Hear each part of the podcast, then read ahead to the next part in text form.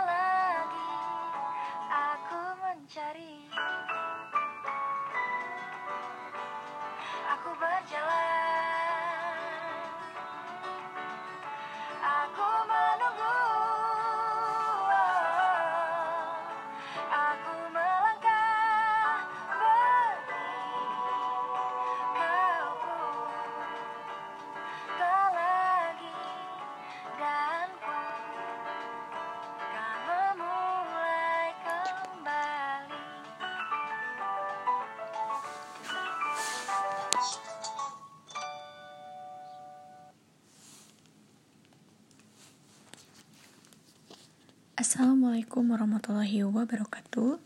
Bertemu lagi bersama saya Desa Sari dalam acara Explore ID Oke, terima kasih saya ucapkan untuk para pendengar setia dari Explore ID ya. Oke, kali ini di episode yang baru eh, Dia bakalan nyeritain tentang perjalanan. Ya, waktu itu lebih tepatnya eh, solo backpackeran ke daerah Tasikmalaya. Jadi saat itu karena sudah apa ya capek gitu ya dengan dunia kerja kuliah, akhirnya pengen ada suatu momen gitu untuk merefresh kembali diri kita, yaitu salah satunya dengan cara liburan. Nah saat itu dia eh, coba cari tempat yang dekat dari Bandung dan tidak memerlukan biaya yang banyak. Nah, setelah searching, didapatlah eh, suatu tempat destinasi gitu untuk pergi ke sana yaitu Tasikmalaya ini. Nah, waktu itu dia eh, libur kerja dua hari, hari Rabu Kamis kalau nggak salah. Jumatnya masuk kembali. Nah, saat saat itu saat itu eh Des itu sengaja gitu pilih kereta yang berangkatnya malam supaya pas pulang kerja sempet gitu. Jadi sempat kerja dulu sebelum pergi liburan. Jadi supaya tidak memakan e, banyak waktu gitu untuk melakukan liburan tersebut. Akhirnya saat itu e, karena di jadwal kereta itu jam kosong kosong kalau nggak salah teh jam jam 12 lebih 5 menit kalau nggak salah pakai kereta Pasundan waktu itu. Nah saat itu setelah pesan uh, langsung dia semalamnya pergi pakai dari kebun kopi dari kebun kopi ke Kiracondong itu pakai kereta yang dari Cimindi kereta lokal gitu yang harganya cuma 5000 nah pas uh, lagi nunggu keberangkatan itu di apa ya di stasiun itu tuh banyak anak kucing kan kalau dia itu apa ya agak geli gitu kalau sama anak-anak kucing itu apa ya mereka itu sering pengen aja kita main gitu tapi nggak tahu aja gitu geli bawaannya kalau ngelihat anak-anak kucing. Jadi saat itu ada sekitar dua anak kucing gitu mengikutin dia terus dia pergi ke sini dia ngikut dia ngikut. Akhirnya sampai pokoknya aduh udah berasa kayak gimana ya tegang banget gitu di stasiun itu. Soalnya kalau orang lain sih biasa-biasa aja gitu dengan kehadiran si anak kucing itu tapi beda gitu dengan dia geli aja gitu sampai pengen teriak tapi bingung gitu teriak ke siapa? Karena ya malu juga karena berangkat sendiri kan jadi gak ada orang yang kenal gitu di stasiun itu. Sampai pada akhirnya setelah menunggu sekitar satu jaman kalau nggak salah waktu itu datanglah kereta dari uh, area Padalarang ke ke arah Kircon itu. Setelah naik saat di bus suasananya karena kereta malam jadi nggak terlalu ramai dan di sana dia kembali ngecek gitu tiket untuk pergi ke Tasikmalaya. Setelah dia cek waktu itu kan berangkatnya itu tanggal di, di tiketnya itu tanggal 11 kalau nggak salah. 11 September 2018an lah. Nah pas dia cek uh, ngelihat lihat lagi apa sih disamakan gitu dengan kalender yang ada di HP pas begitu disamakan kayaknya ini tiket udah hangus gitu udah telat. Soalnya kan itu keberangkatannya jam 11 eh jam 12 lebih pada tanggal 11 sedangkan pas dia berangkat itu tanggal 12 malam kalau nggak salah.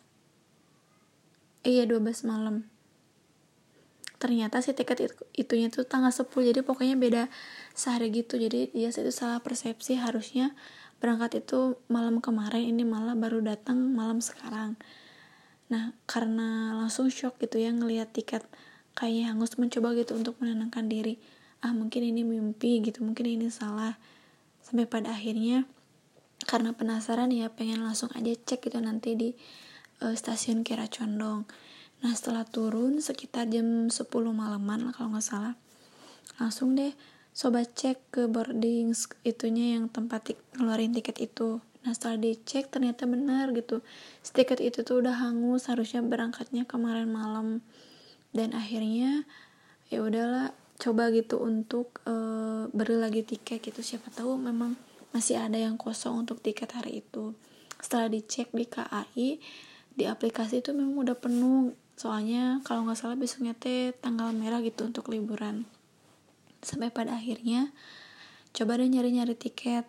Pas diobrolin ke yang dikasihnya itu beliau berkata emang sering sih banyak kejadian yang kayak gitu gitu. Jadi harusnya berangkatnya malam kemarin kita baru ngeh gitu bahwa itu tuh malam kemarin tapi kita berangkatnya pas malam besoknya lagi. Jadi kan udah hangus ya sampai pas di sana ada juga sih temen yang ngalamin hal yang sama. Maksudnya teh uh, teman baru ketemu di sana gitu. Itu kalau nggak salah teteh-teteh itu tuh pengen pergi ke Kebumen. Nah dia juga sama kayak aku gitu salah. Uh, harusnya berangkatnya kemarin malam malah ini baru berangkat malam ini.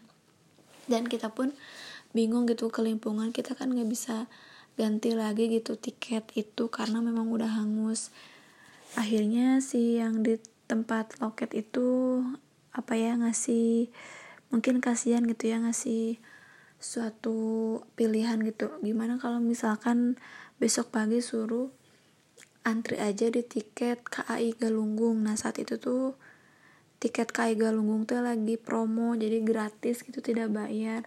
Tapi itu harus pak harus saling antri soalnya kalau enggak ya bakal kedua sama yang lain sampai akhirnya duduk dulu gitu ya di tempat uh, penunggu yang mau berangkat naik kereta. Sampai mikirin apa harus beli tiket Pasunda dengan harga 87 atau misalkan Galunggung yang harus antri besok pagi. Tapi resikonya kalau nggak keburu bakalan kehabisan tiket dan nggak akan jadi liburan. Sampai akhirnya berpikir ya udah deh pilih aja tiket Pasunda yang udah jelas itu harganya 87.000 memang sih agak sedikit mahal sama tiket yang sebelumnya. Kalau nggak salah waktu itu yang sebelum itu cuma 66.000 dan pada akhirnya memutuskan untuk mengeluarkan kembali uang 100 ribu lah untuk membeli tiket yang akan pergi besok pagi. Sebetulnya pemberian eh pemberhentian terakhirnya itu tuh di Jogja. Dan ya udahlah sekalian aja gitu berangkat bareng-bareng mereka. Sampai pada akhirnya karena masih jam 10 dan eh, kereta Pasundan itu berangkat keesokan paginya pada jam 5 ya mau nggak mau gitu. Kalau untuk pulang lagi kan jauh. Ya udah deh akhirnya uh, saya gitu memutuskan untuk tidur di stasiun kereta. Nah sampai pas di sana bingung gitu ya gimana nggak bawa jaket yang tebel terus kan kalau di stasiun gitu agak dingin ya soalnya beda gitu ya sama kalau di rumah. Ataupun misalkan tidur di kereta. Akhirnya udahlah paksain aja gitu. Dan kebetulan waktu itu juga uh, apa ya agak rame sih suasananya. Soalnya sedang ada pertandingan Arema kalau nggak salah di Bandung. Soalnya banyak yang apa ya para supporter gitu pada turun dan mereka tuh pada nyanyi-nyanyi. Jadi memang tidur itu nggak nyenyak gitu soalnya berisik banget gitu mereka sampai pada akhirnya tidur pun nggak nyenyak gitu. Tidur sebentar sekitar 10 atau 15 menit kebangun lagi karena suara itu. Terus ya malu juga sih tidurnya kan di di kursi jadi kan otomatis kadang tau lah kepala kita kayak ke bawah ke bawah gitu terus kan malu kalau diliatin orang. Cuman sih waktu itu udah bawa masker jadi saat tidur itu pakai masker gitu jadi nggak terlalu kelihatan wajah kita yang sebenarnya itu seperti apa tapi ya tetap aja sih sedikit malu ketika kita udah tidak kuat gitu untuk menahan kantuk tiba-tiba orang yang di depan kita waktu itu kebetulan sama-sama anak muda juga dan mereka kayaknya sepertinya akan berangkat e, muncak gitu atau naik gunung karena bawaannya itu beda gitu rasanya memang khas anak gunung. Mereka tuh tertawa padahal kan nggak tahu ya mereka itu mau tertawakan apa. Tapi saat itu ngerasa gitu e, kepedean aja gitu. Mereka mentertawakan saya gitu saat saya tidur. Padahal nggak juga cuman ya udahlah gitu. Tidur lagi sampai pada akhirnya nggak kerasa udah jam 5 cuci muka lah. Dan kebetulan waktu itu lagi nggak sholat. Jadi setelah itu harusnya kan nyari sarapan. Cuma ya itulah untuk menghemat waktu gitu sama menghemat uang juga akhirnya memutuskan untuk tidak makan dan langsung naik ke kereta nah saat itu di kereta eh, kebetulan dapat tiket yang deket apa ya pintu masuk gitu. Jadi ya di situlah dapat yang dua kursi gitu. Nah ternyata aku berharap sih waktu itu yang duduk di depan aku itu perempuan atau enggak kosong supaya ya lebih nyantai aja. Tapi ternyata yang duduk di depan aku itu saat itu cowok. Dan dia tuh duduknya seberangan banget sama aku. Jadi aku tuh bingung gitu saat mau lihat pemandangan malah keliat gitu muka dia.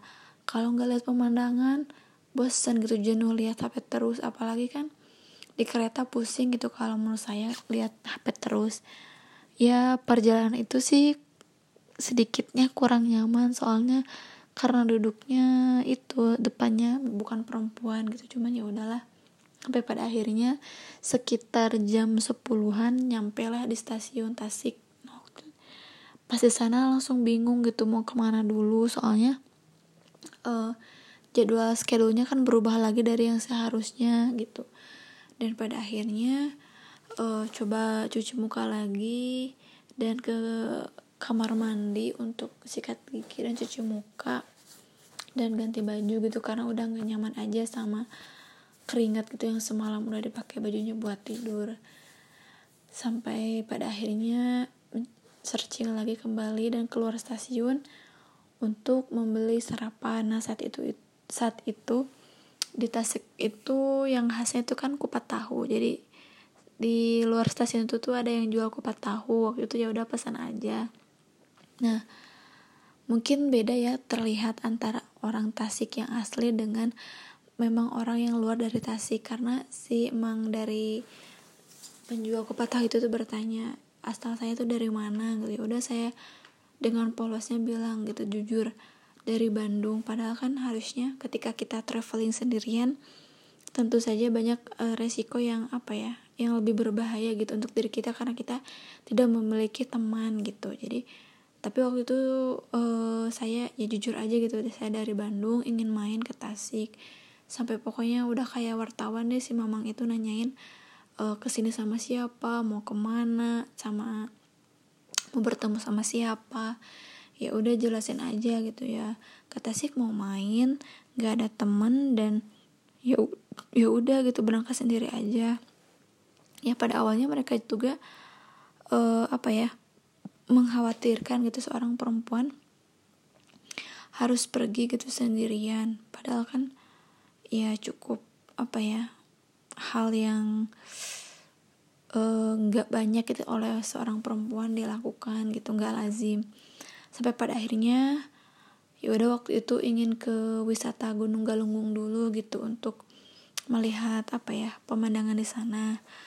Nah waktu itu ada salah satu tukang grab kalau nggak salah nawarin gitu untuk ya udah pakai grab dia aja kan karena sinyalnya mungkin biasa di Bandung si handphone tiba-tiba pas nyampe Tasik itu dia nggak ada sinyal sama sekali gitu. Sampai pada akhirnya si tukang grab nawarin untuk jasa offline aja gitu. Dia cekin harganya berapa dan saya tinggal naik aja gitu. Ya udah. Saat itu karena sebetulnya tadi itu mau naik angkot cuman ya karena belum tahu sih dan sendirian juga ya udahlah. Akhirnya pakai uh, ojek gitu. Setelah pakai ojek uh, dengan kesepakatan harganya waktu itu sekitar 50 ribu kalau nggak salah dari stasiun Tasikmalaya ke Gunung Galunggung. Nah, udah sampai sana di Gunung Galunggung, ya saya pikir apa ya sih emang Grab itu itu bakalan pulang lagi gitu. Ternyata dia malah uh, nemenin saya gitu untuk uh, masuk ke area Gunung Galunggungnya gitu. Katanya kasihan soalnya ke dalamnya itu tidak ada akses gitu untuk uh, naik ojek gitu. Jadi harus berjalan kaki yang lumayan cukup jauh. Dan memang jalanannya itu masih uh, apa ya masih suka ada penampakan dari monyet-monyet hutan gitu. Jadi ya kalau terkadang kan takut juga itu kalau sambil jalan uh, mereka bisa nyerang kita gitu. Tapi kan kalau naik motor mah lebih bisa ke, tingkat keamanannya akan lebih tinggi gitu. Jadi akhirnya mamang itu nganterin saya. Sampai pada akhirnya ketika saya mau naik e, ratusan anak tangga menuju Gunung Galunggung beliau pun ngikutin gitu. Ya udahlah gimana lagi? Mungkin dia juga sambil main dan sambil jalan-jalan. Nah saat itu kebetulan karena HP Android saya sudah rusak itu HP itu legend bang legend banget. Soalnya dari pertama masuk kerja gitu 2014 sampai waktu itu 2018an ada sekitar dua tahunan itu masih bagus eh masih eh kebetulan lagi di servis soalnya karena apa gitu waktu itu lupa lagi. Dan akhirnya saya diberikan HP Android bukan Android Max ya. Viv bukan Vivo lupa lagi namanya teh pokoknya handphone dari oh Advan dari keponakan keponakan. Waktu itu handphonenya udah apa ya jadul terus kameranya juga udah kurang jelas gitu. Apalagi suaranya itu keras banget dan itu memang settingannya susah gitu untuk dikembalikan lagi menjadi kecil. Jadi saat mau ngambil foto suara efek dari kameranya itu terdengar jelas sekali gitu. Apalagi kan dari di suasana gunung kan sem, sem, sunyi gitu beda sama perkotaan. Jadi ketika saya ngambil foto gunung suara dari kamera itu sangat-sangat mengganggu pengunjung lainnya jadi ketika saya mengambil foto mereka langsung menoleh ke arah saya. Kok mungkin mungkin pikiran mereka ini orang mungkin kampungan banget padahal mah sama sekali. Itu handphone gak bisa pengaturannya dirubah untuk lebih kecil volumenya. Dan waktu itu pun karena lagi senang-senangnya nge-vlog gitu akhirnya coba deh bikin vlog gitu. Ternyata saat pencet langsung suaranya besar dan orang-orang melihat ke saya seketika ketika bilang hai guys gitu ya. Orang-orang langsung ngeliatin yang tadinya semangat tiba-tiba melempem gitu. Tetap sih waktu itu bikin sebuah vlog tapi nggak terlalu panjang soalnya karena udah malu duluan dengan suara handphone yang amat mengganggu pengunjung lainnya gitu ya. Sampai pada akhirnya setelah sampai di atas emang apa ya bener-bener bagus banget gitu pemandangannya. Seperti bener-bener yang para pelukis lukiskan gitu dalam sebuah lukisan. Memang mirip banget gitu ya dan waktu itu sayang banget karena handphonenya agak sedikit bermasalah jadi tidak bisa mengabadikan momen-momen indah tersebut gitu. Sampai pada akhirnya setelah turun dari Gunung Galunggung eh, saya tadinya mau langsung ke Cipatuja tapi kebetulan si Manggarep itu eh, apa ya katanya mengajak saya untuk pergi ke Cipanas kalau nggak salah waktu itu.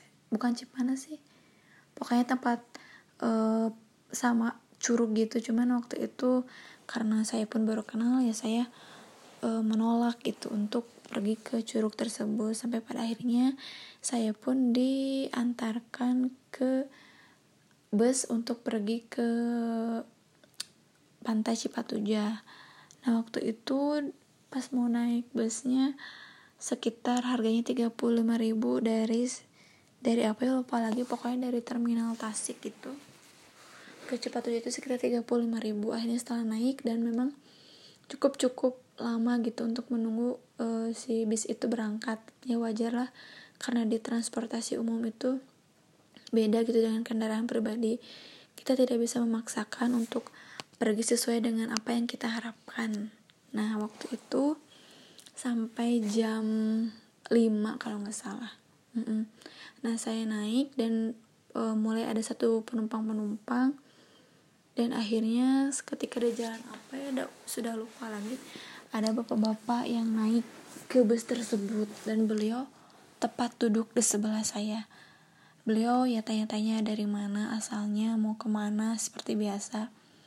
Dan saya pun masih dengan jawaban yang sama gitu uh, memberitahu mereka bahwa saya itu dari Bandung dan ingin main dan kebetulan seorang diri gitu dan belum pernah ke sana sama sekali.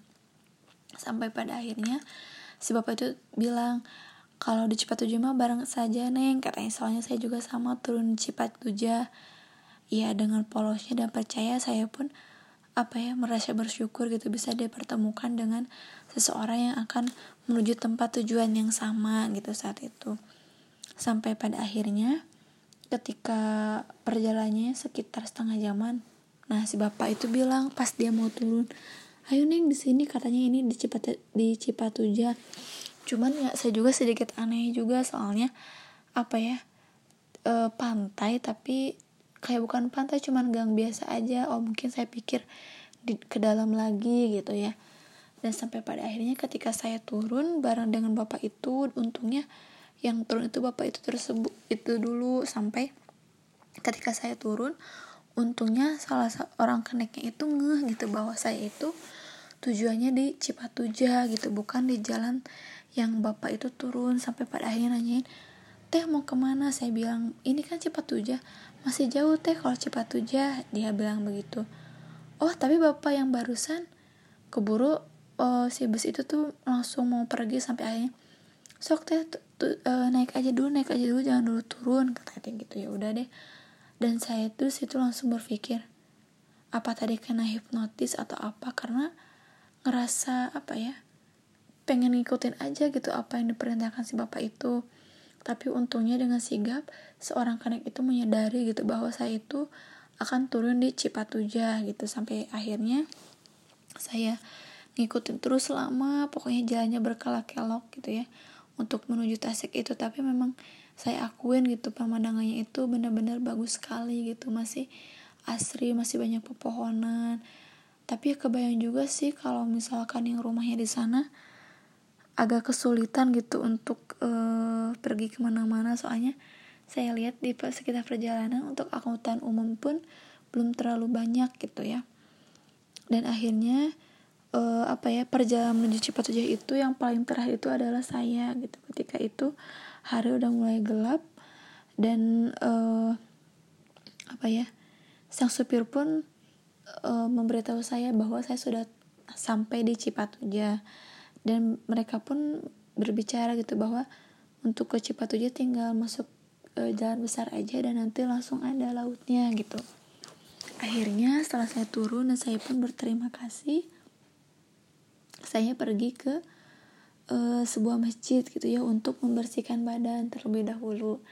Dan saya pun memang kembali gitu setelah uh, apa ya setelah mendapat pengalaman pertama saat pergi ke pantai sayang helang dan akan tidur di masjid saya pun sama gitu akan melakukan hal yang sama. Namun ketika saya uh, saat itu datang ke masjid masjidnya itu besar tapi agak kumuh gitu gitu tidak terawat dan di sana ada tertulis dengan jelas gitu ya bahwa dilarang untuk tidur di masjid. Saya pun seolah-olah itu merasa tertolak sebelum berbicara gitu meminta izin. Akhirnya saya pun bingung dan saya lihat kondisi pantainya saat itu masih sepi gitu. Saya pikir apa karena pantainya biasa aja atau ada apa gitu? Sampai pada akhirnya karena saya lapar ya udah deh saya mengunjungi sebuah warung gitu. Di sana saya memesan uh, biasa mie rebus dengan telur dan air minum. Nah setelah saya di sana ditanya-tanya seperti biasa dari mana dari Bandung uh, ke sini sama siapa sendiri mereka tuh benar-benar sangat mengkhawatirkan saya. Dan mereka pun bercerita gitu bahwa memang pengunjung di tempat itu tuh lagi sepi soalnya beberapa bulan yang lalu baru terkena musibah. Kalau bahasa Sunda mah semodel apa ya tsunami. Tapi dengan derajat gelombang yang lebih kecil gitu. Tapi itu cukup merusak gitu untuk ekosistem di lautnya sendiri. Sampai saat itu mereka tidak merekomendasikan saya untuk uh, apa ya untuk bermain di pantai gitu. Ya saya langsung berpikir hah? Perjalanan saya sia-sia saja gitu. Karena tidak bisa melihat pantai gitu. Sampai ketika itu setelah saya makan dan saya pun uh, mencari apa ya informasi gitu untuk penginapan yang murah di mana. Dan setelah mereka ngobrol-ngobrol dengan Pak RT di sana saya tuh seperti kondisinya anak hilang gitu. Soalnya mereka seolah-olah uh, mengasihi mengasihani saya sekali gitu. Sampai aduh kasihan sih yang takut nggak punya uang. So what gitu ya padahal apa ya saya itu melakukan perjalanan pasti sudah memiliki cadangan dana gitu untuk ya ini uh, menemukan hal-hal yang tidak terduga gitu. Ya udahlah mungkin mereka tidak tahu. Sampai pada akhirnya saya diantarkan ke sebuah penginapan.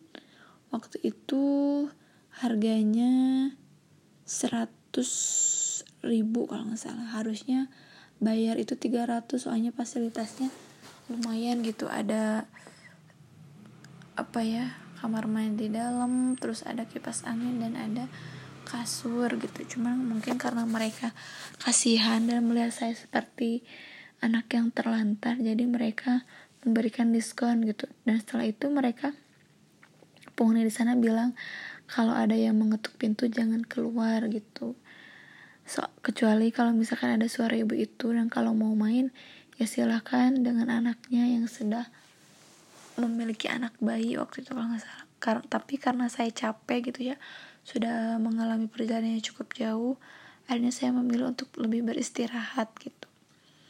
Dan ketika itu uh, subuh saya langsung bangun dan akan pulang lagi ke Bandung gitu. Soalnya uh, besoknya itu saya harus kerja gitu akhirnya. Setelah saya setelah azan subuh lah gitu saya keluar dari rumah itu dan tadinya saya tuh mau diantarkan ke jalan raya gitu tapi karena mungkin mereka pun masih capek ya udahlah saya pergi sendirian. Saat menuju jalan besar yang itu tuh sepi banget sepi-sepi banget. Nggak ada satupun orang yang lewat dan toko-toko seperti Alfamart memang benar-benar tutup nggak ada yang buka. Setelah saya menunggu di jalan dari kejauhan itu ada yang jalan. Pikiran saya sudah merasa takut ini hantu atau apa gitu. Soalnya yang benar-benar hitam gitu semuanya dari ujung kepala sampai ujung kaki. Ternyata saat, saat itu mendekat uh, kayaknya se seorang apa ya nelayan lah soalnya pakai pakaiannya mirip-mirip nelayan kayak gitu. Dan akhirnya setelah pukul lima pas nggak tahu setengah lima ya waktu itu terlupa lagi. Akhirnya datang ada bis yang kemarin ternyata supirnya masih sama dengan saya yang tumpangi ketika berangkat dari kota Tasik menuju Cipatujah. Akhirnya di bus pun saya tidur tidur karena mungkin terasa lelah gitu ya banget perjalanan yang sangat jauh itu. Sampai pada akhirnya saya pun terlewat untuk uh, apa ya menuju stasiun kereta gitu ya.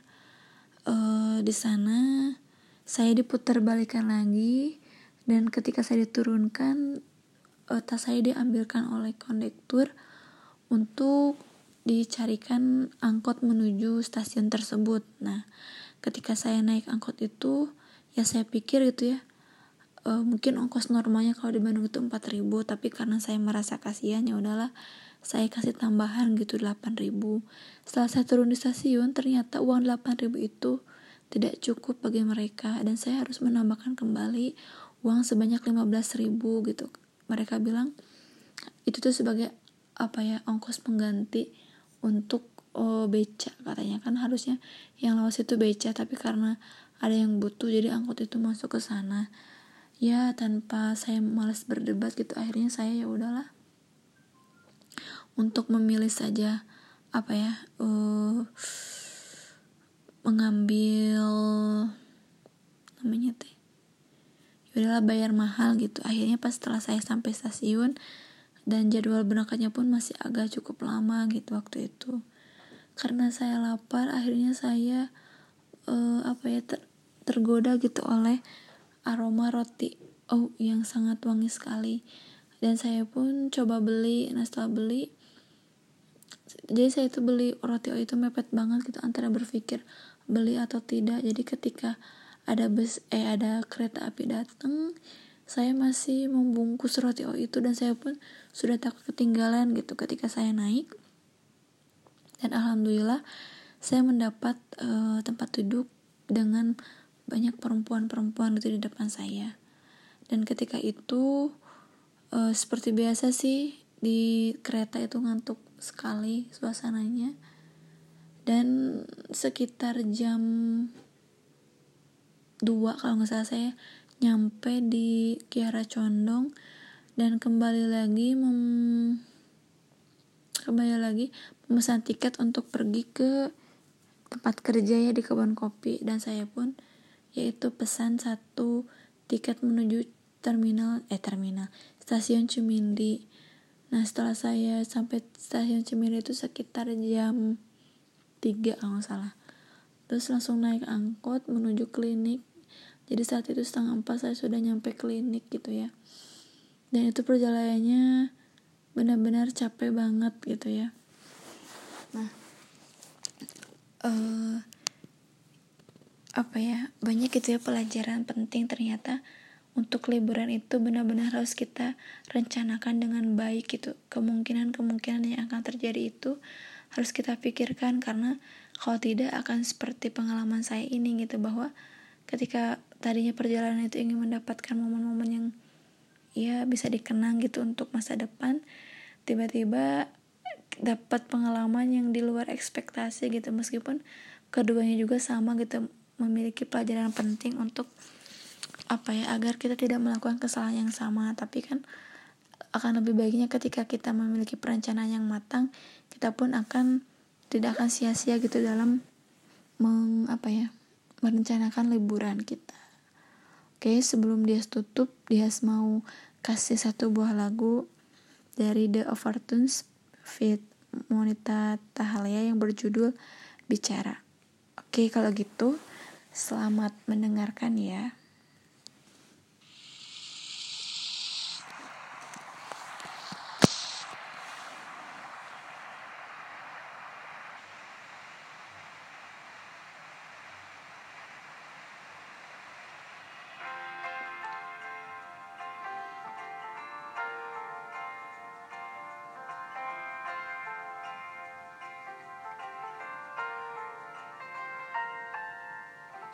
Sudah berapa lama aku menunggu jawaban darimu? Sampaikah kepadamu kata-kata yang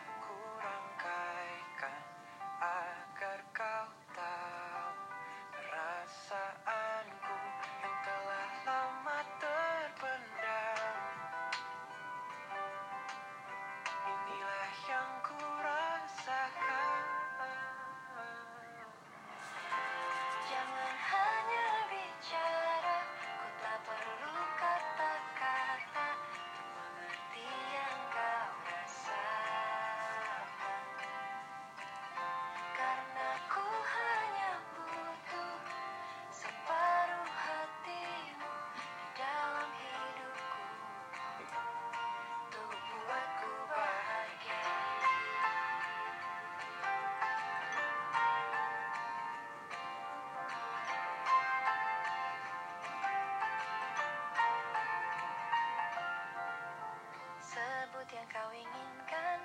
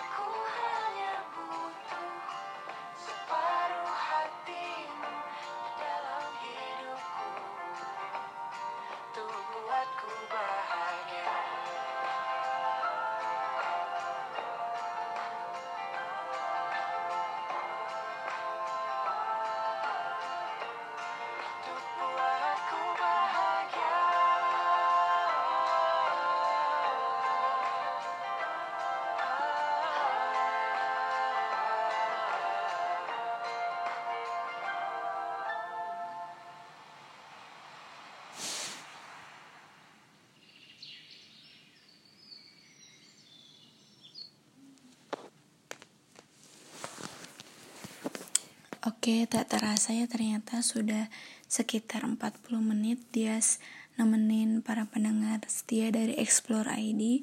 Semoga saja tadi pengalaman perjalanan dia menuju Tasik bisa menjadi sebuah pelajaran gitu untuk para pendengar uh, yang ada di luar sana untuk merencanakan liburan yang lebih matang lagi gitu tapi dalam setiap perjalanan yang saya lakukan seorang dari itu menurut saya itu banyak kekonyolan gitu. Banyak hal-hal yang saya uh, apa ya tidak rencana gitu malah menjadi suatu yang apa ya menjadi kenangan untuk saya gitu. Untuk hal tersebut itu menjadi tertawa gitu setelahnya. Jadi ya kayak gitu sih pengalaman yang bisa dia ceritakan. Mohon maaf itu apabila misalkan penyampaian katanya agak kurang enak atau apa karena masih belajar juga pokoknya terima kasih untuk para pendengar setia dari Explore ID ini semoga saja channel ini bisa apa ya terus berkarya dan terus membagikan kisah-kisah yang dapat diambil pelajaran oleh para pendengar. Oke, kalau begitu terima kasih sekali lagi. Saya Dias Ashari pamit undur diri. Wassalamualaikum warahmatullahi wabarakatuh.